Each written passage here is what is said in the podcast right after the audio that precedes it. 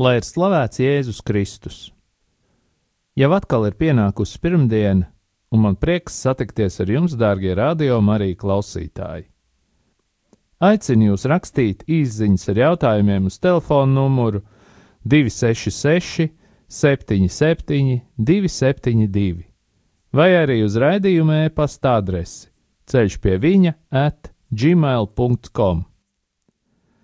Pateicos par jūsu lūgšanām un aicinu jūs turpināt lūgties par mani un manu ģimeni, jo kopā ar sievu vadām vairākas programmas saistītas ar iekšējo dziedināšanu un atbrīvošanu. Pagājušajā raidījumā runājām ar tēvu Janu Beļecki no Ukrainas. Un šajā raidījumā atgriezīsimies pie jautājumiem par jaunajām reliģiskajām kustībām. Pēdējos 20. gadsimta gados pasaule ir piedzīvojusi strauju, daudzveidīgu reliģisko kultu izplatīšanos un to biedru skaita palielināšanos. Ar varu ienākošo reliģiozo formu pavairošanās un to graujošajai darbībai ir neveselīgs un antisociāls rezultāts. Piemēram, notikumi Tokijā un milzu terora akti Oklahomas pilsētā Masakeru no Vako piemiņas dienā pagājušā gadsimta beigās, lika mums apzināties tās briesmas, kuras rada šie destruktīvie kulti, kas apdraud ne tikai atsevišķas personas un ģimenes, bet visu sabiedrību kopumā.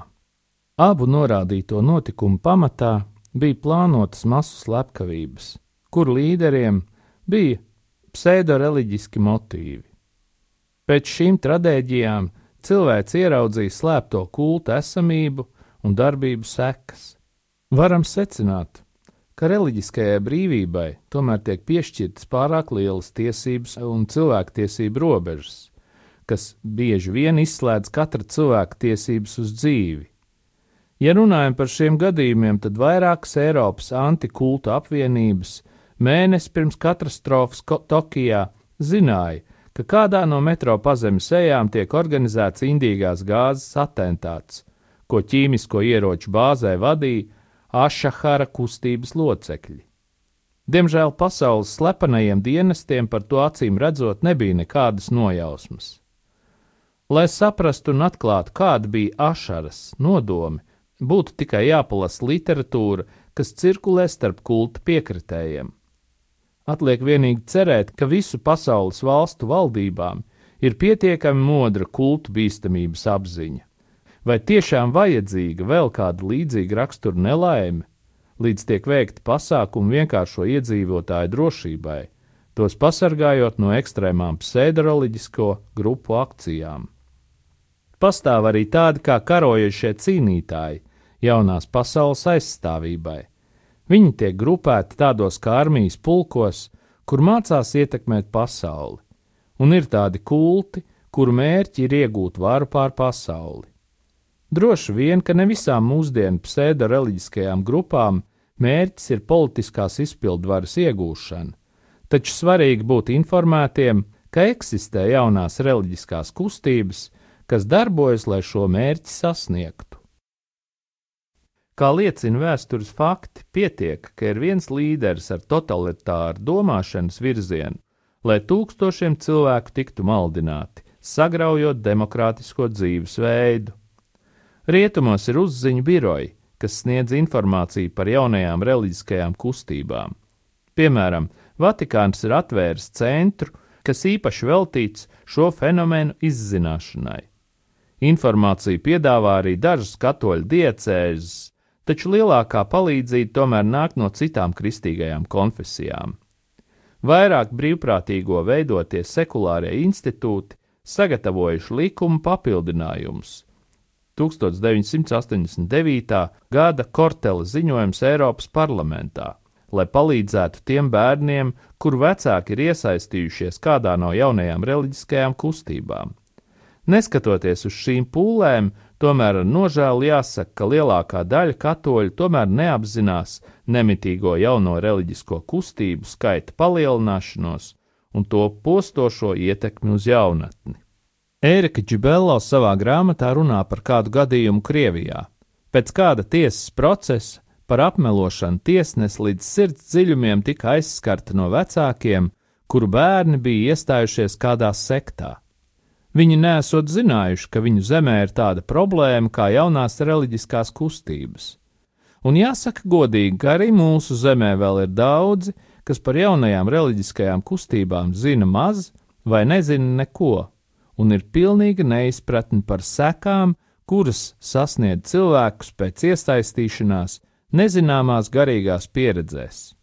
Mums, kā katoļiem, domājot par sektām, kultiem vai jaunajām reliģiskajām kustībām, ir jāpatur prātā, ka mūsu katoliskās ticības izpratni ietekmē dažādu veidu pašsajūtu uzlabošanas metodes, vingrinājumi un dziedināšanas metodes. Un statistika ir skarba, jo jaunās reliģiskās kustības un sektas visā pasaulē ievelk savā sabiedrībā lielu skaitu katoļu jauniešu un, diemžēl, arī cilvēkus gados.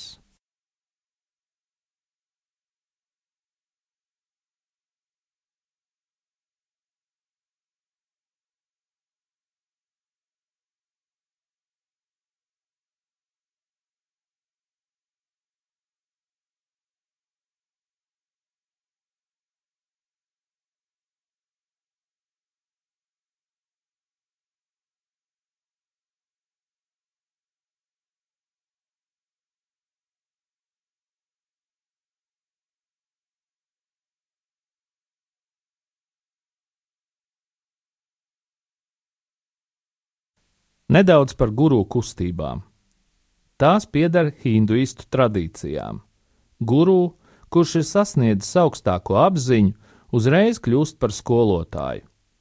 Guru sekotājiem ir aizliegta jebkāda kritika un tiek pieprasīta pilnīga paklausība.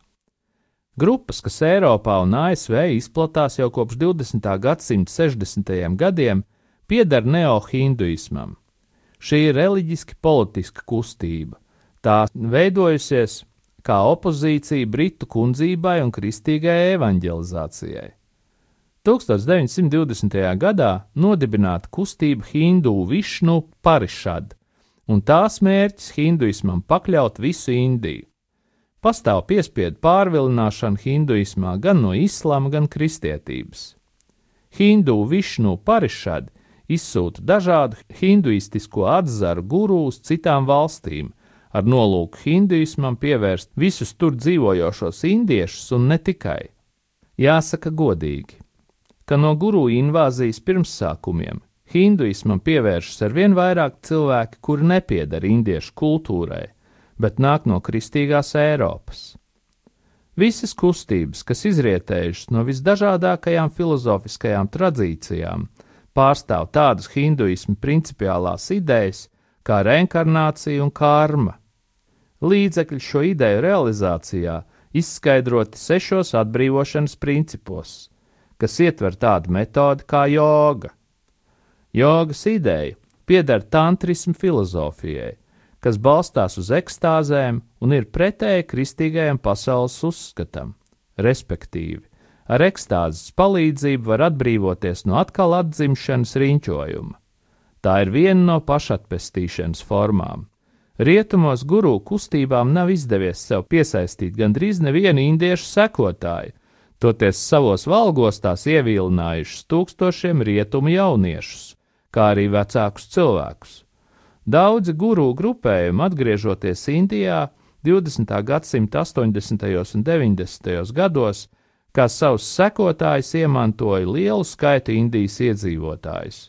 Protams, tas neatiecas uz visām neohinduismu kustībām, jo dažas no tām ārpus Indijas nekad nav savus gurus sūtījušas.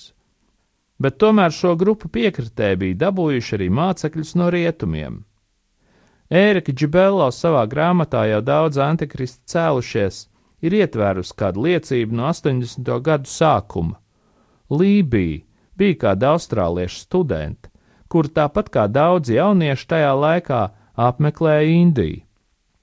Viņu dziļi iespaidoja kāds indiešu guru, kuram ašrams, vai tā ir apmetne vai vieta, bija netālu no Bombejas. Meitene kādā brīdī tika pieaicināta uz Katoļu harizmātisko Bībeles institūtu, kur Ērika, kad dzīvoja Indijā, lasīja lekcijas. Šī meitene tur palika pāris nedēļas, un pēc tam pastāstīja, ka ļoti augstu vērtējot garīgumu un tuvāk mīlestību, ko tur sajutusi. Citi studenti toreizējiem institūta direktoram ieteica ar viņu parunāt. Nodoms bija evanģelizējoša, garīga saruna. Lībija sarunai piekrita, taču pati runāja ļoti maz. Direktors pret viņu bija sirsnīgs un uzmanīgs. Par jēzu viņš runāja visai atturīgi, tomēr pieminēja, ka atbrīvošana iespējama tikai caur Jēzus nāvi.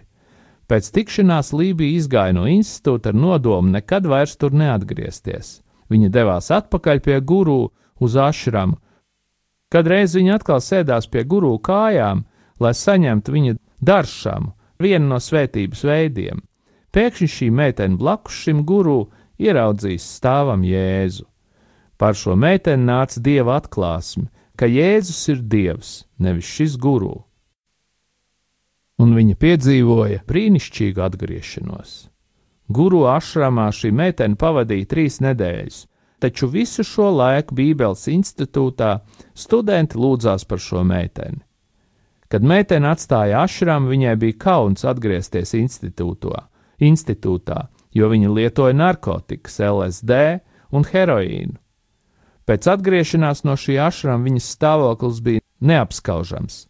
LSD izraisa nežēlīgas koordinācijas traucējumus. Tā vietā, lai redzētu, cilvēks dzird. Tā vietā, lai dzirdētu, cilvēks redz visas veida krāsas. Cilvēka uzvedība ir kā mazam bērnam, un Lībija bija šādā stāvoklī. Tas bija lielās piekdienas laiks, un Ērika šo meiteni paņēma līdzi uz Bībeles institūtu, kur bija paredzēts lūgties par viņas atbrīvošanu. Pēc tam viņa piekrita piedalīties iekšējās dziedināšanas rekolekcijās, taču papildus tam apmeklēja arī guru. Viņš viņai solīja būt priekš viņas ilgi vēl, un pat izteica viņas nāves datumu tālā nākotnē. Neviens negaidīja, ka jau nākamajā dienā avīzēs tiks ziņots par šī guru nāvi. Sākumā Lībija jutās apjukusi, taču caur lūkšanām un sarunām viņa to pieņēma, palika rekolekcijās līdz galam. Viņa atzina Jēzu par savas dzīves kungu, atgriezās Austrālijā, kur kādu laiku dzīvoja katoļu harizmātiskajā kopienā. Tagad viņa strādā kā psihoterapeite.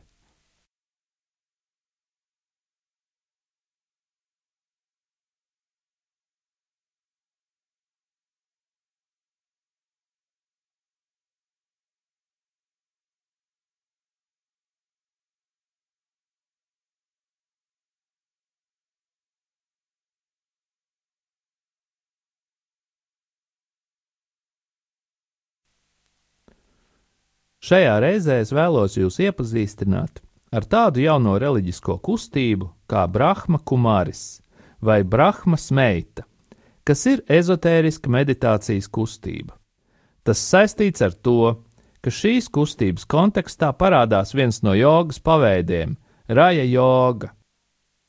Varbūt lielākā daļa tāda Brahma Kumaris kustību nepazīst, taču Latvijā ir parādījušās tik daudz jogas paveidu, un šis ir viena iespēja jūs iepazīstināt ar vienu no šiem paveidiem. Šīs kustības gnostisko filozofiju ir ietekmējušas hinduistiskās saknes. Tās dibinātājs Leks Rais ir dzīvojis no 1876. gada līdz 1969. gadam.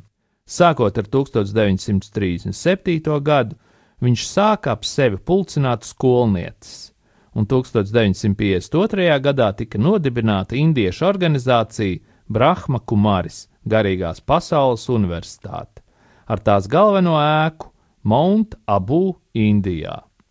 Leks Rais tiek prezentēts kā Brahma jaunās pasaules radītājs.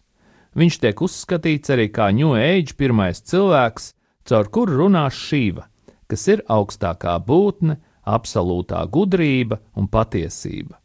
Viņas sekotāji uzskata, ka Leks Rais turpina uzrunāt savas vecākās māsas vai dadis arī pēc savas nāves. Montabū viņām ir savs mediāls uzdevums un publiski vēstījumi vai mūrlis, ko viņas sludina Brahma Kumāris centros. Tāpat kā hinduisms, arī Brahma Kumāris tic reinkarnācijai.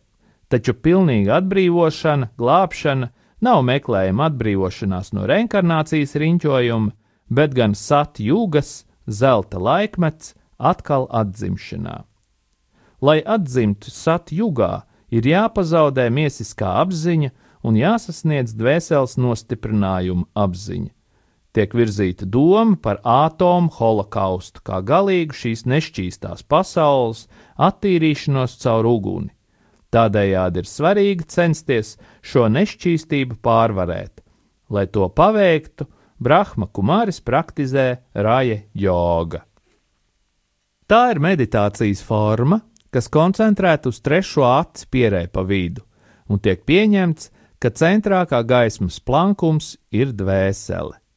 Lai īstenot meditācijas mērķi, proti, dvēseles atdalīšanos no ķermeņa, ir jākoncentrējas uz šo centru.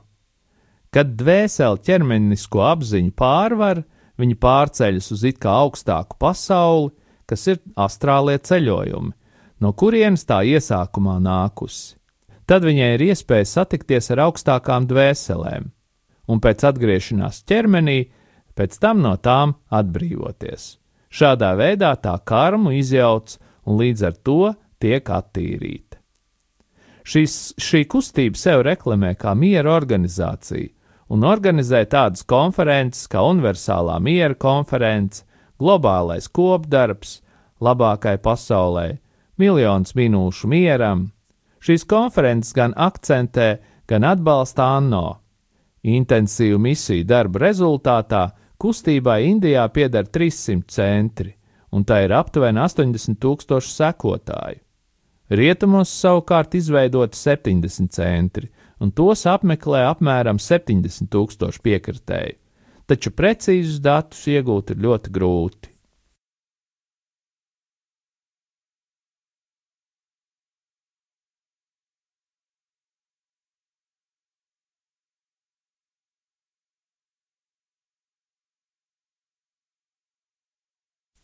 Kas attiecas uz Brahma kumāris kustību, kristietim un katolim ir jāsaprot, ka ja kāds atbalsta šādu filozofiju, netiešā veidā noliedz Jēzu Kristu kā mūsu glābēju, pieņemot ticību, ka var pats sevi atpestīt.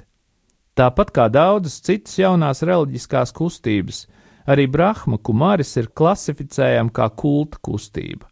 Ar moderno jēdzienu kults tiek apzīmēta reliģiska kustība, kā ietvaros tiek ierobežota tās sekotāju brīvība, izmantojot sociālo un psiholoģisko spiedienu, lai ikreiz panāktu noteiktas uzvedības formas un izplatītu atbilstošu filozofisko dogmu, iemantojot glābšanu un ierobežojot arī cilvēku iespējas brīvi pieņemt lēmumus. Šī autosugestīvā meditācijas metode un tās filozofijas sekotāji ģimenēs bieži ir cēlonis neskaitāmajiem konfliktiem un strīdiem. Šīs kustības iespējā ievērojami mainās cilvēka, kas to apmeklē personība, kas tādējādi ir šķērslis normālai ģimenes funkcionēšanai. Turklāt pamatot uztraukumu un nesaskaņas rada uzskats, ka laulāto tuvība ir nešķīstības iemesls. Es tikai vēl gribētu piemetināt, ka arī tēvs Jans savā kalpošanā runāja par šo trešās acis atvēršanu.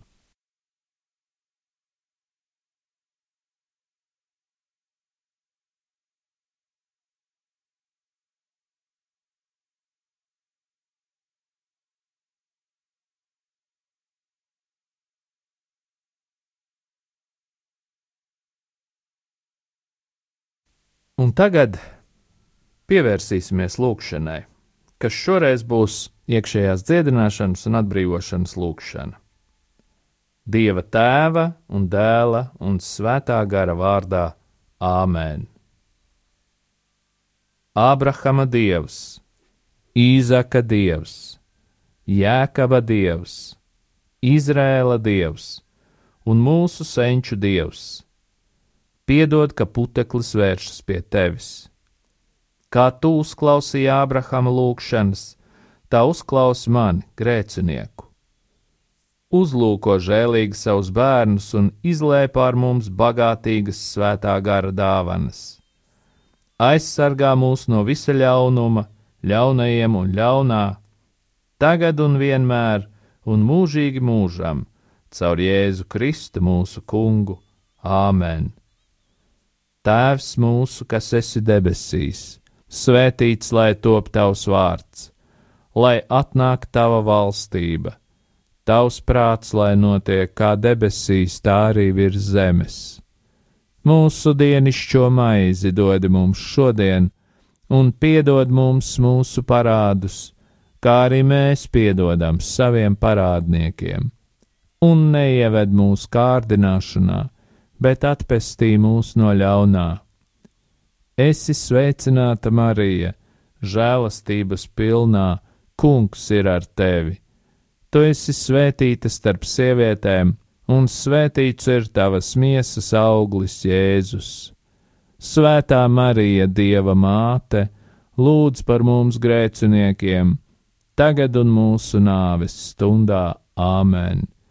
Gods lai ir tēvam un dēlam un svētajam garam, kā tas no iesākuma ir bijis, tā tagad un vienmēr, un mūžīgi mūžos. Āmen!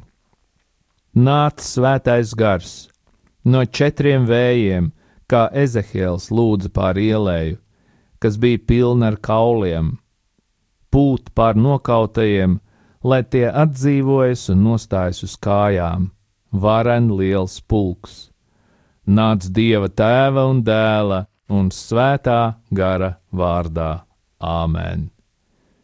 Mīļais debesu Tēvs, Tu sūtīji savu dēlu uz Galileju, sludināt valstības evaņģēliju un dziedināt visas slimības un sērgas tautā. Es tevi lūdzu, Tēvs, sūti Jēzu šajā brīdī darīt to pie mums. Es tev pateicos, debesu Tēvs, ka Jēzus Kristus šobrīd ir pie mums un pie katra, kurš lūdz šo lūgšanu. Es tevi slavēju, Kungs, Jēzu, ka tu piepildi šo lūgšanu. Mēs lūdzam Jēzu paaugstinies pār mums, mūsu grēku un lepnību, dod žēlstību atgriezties un tapt tīriem, ticēt kā mazajiem bērniņiem Dod kungs žēlstību atteikties no visiem grēkiem, un to kungu, savu dievu mīlēt no visas sirds, un no visas savas dvēseles, un no prāta, no visa sava spēka.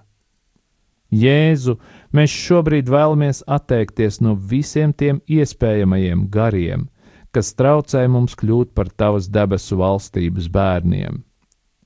Mēs atsakāmies no visām pagānu dievībām, no akmeņu gariem, no upju gariem, no koku gariem. Mēs atsakāmies no saules gariem, no lietus gariem, no vēja gariem. Mēs atsakāmies no zibens gariem, no ūdens, avotu un citām dievībām, kuru priekšā mēs apzināti vai neapzināti esam locījuši ceļus.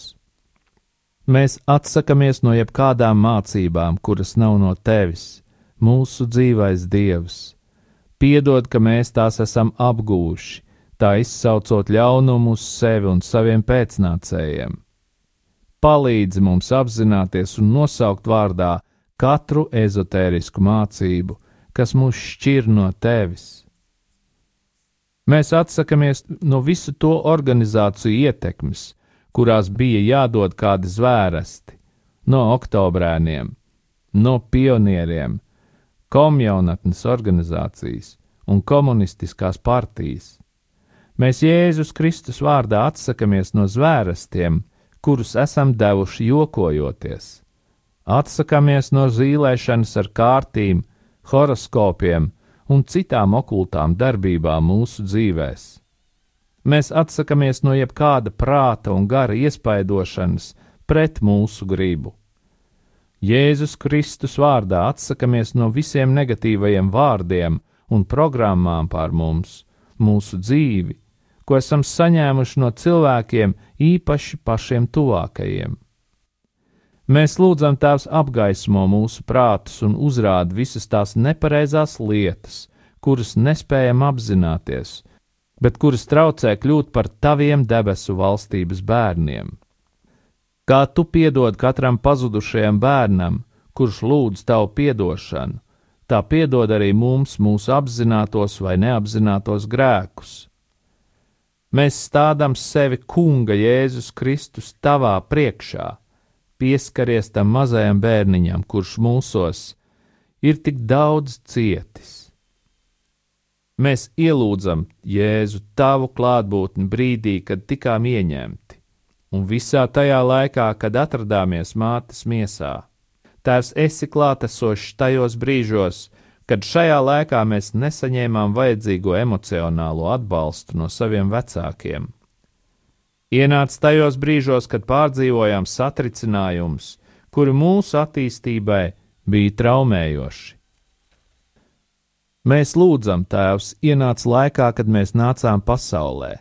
Piepildi šo laiku ar visām tām emocijām, kuras mums kā bērniem bija nepieciešamas un atbrīvo mūs no visām negatīvajām, sāpīgajām emocijām, kuras saņēmām šajā laikā. Jēzu pieskaries mūsu dzīvības pirmajiem gadiem, ienāc visos tajos brīžos, kad sajutāmies atstumti vai aizmirsti. Dziedini Jēzu no katras atstumtības, kuru saņēmām no saviem vecākiem, audzinātājiem, skolotājiem, no bērnības un skolas draugiem. Dziedini mūsu jūtu pasauli, piepildi kungs mūsu sirdis ar savu mīlestību brīžos, kad to gaidījām no citiem cilvēkiem. Mēs lūdzam, ienāc Jēzu mūsu nelaimīgas mīlestības brīžos, ienāc katrā tajā brīdī, kad izjutām vilšanos, pamestību un nodevību. Kungs dod mums savas piedošanas garu, dod mums svēto garu. Mēs piedodam saviem vecākiem, nespēja mūs emocionāli atbalstīt, brīžos, kad tas mums bija ļoti nepieciešams. Mēs piedodam saviem vecākiem tos brīžus, kad viņiem nepietika laika un spēka priekš mums personīgi. Mēs piedodam visiem audzinātājiem un skolotājiem, kuri nesaprata mūsu aicinājumu no dieva vai nespēja pieņemt mūs tādus, kādi mēs esam. Mēs piedodam visiem draugiem un skolas biedriem, kuri nespēja novērtēt mūs, nespēja saprast un pieņemt. Mēs piedodam cilvēkiem, kurus mīlējām, bet kuri mūs nespēja iemīlēt. Mēs piedodam savam laulātajam draugam sapratnes trūkumu un nespēja mūs pieņemt mīlestībā. Tēvs apžēlojies par mums un par visiem, kurus šajā lūkšanā pieminējām. Mēs piedodam paši sev, Jēzus Kristus vārdā, ka nespējām tevī, kungs, atrast mierinājumu, bet iespējams meklējam to alkoholā, pārlieku lielā ēšanā, seksuālās attiecībās, azartspēlēs vai pornogrāfijā, ka meklējām mierinājumu citos cilvēkos, ka meklējām mierinājumu pie zīlniekiem vai burviem. Tēvs ienāca katrā grēkā, kuru nenosaucām jo mēs to neapzināmies. Izgaismo mums, lai varam atteikties no visa ļaunā un nožēlot savus grēkus. Jēzu mēs pasludinām tevi par savu sirdžu un dzīves kungu un pestītāju. Tēvs, mēs lūdzam pēc tavas žēlastības, lai varētu tiekties pēc debesu valstības un dzīvot pēc evaņģēlī. Mēs pateicamies, ka tu uzklausīji mūsu lūgšanas Tavā patvērumā steidzamies, svētā dieva dzemdētāja. Nenicini mūsu lūgšanas, mūsu vajadzībās, bet izglāb mūs vienmēr no visām briesmām. Tu godināmā un svētā jaunava, mūsu valdniece, mūsu vidutāja, mūsu aizbildinātāja, izlīdzini mūs ar savu dēlu, novēli mūs savam dēlam stādi mūs savam dēlam priekšā. Lūdz par mums, svētā Dieva dzemdētāja, lai mēs Kristus solījumu cienīgi topam. Lūksimies! Kungs, Dievs, mēs tevi lūdzam! Liec, lai mūsu tavu kalpu dvēsele un miesa vienmēr būtu vesela, un ar slavējamās vissvētākās jaunavas Marijas aizbildniecību mēs tiktu atbrīvot no laicīgā ļaunuma un priecātos mūžīgajā dzīvē. Caur Jēzu Kristu mūsu kungu. Āmen! Un tagad, dārgie radioklausītāji, saņemiet mūsu pāvesta Franciska svētību. Kungs Jēzus Kristus, lai ir pār mums, lai mūs svētītu, lai ir pie mums, lai mūs pavadītu, un lai ir ar jums un mums, lai mūs aizsargātu, lai mūs svētī Dievs Tēvs un Dēls un Svētais Gars, lai asins un ūdens, kas izplūd no Jēzus Kristus sirds, izplūst pār mums, un lai šķīstī, atbrīvo un dziedina saņemiet svēto garu, Dieva tēva un dēla un svētā gara vārdā Āmen. Lai Dievs svētī Latviju, lai Dievs svētī dārgos brāļus un māsas, un lai Dievs svētī mūsu ceļu uz debesīm. Āmen! Ah, la la la.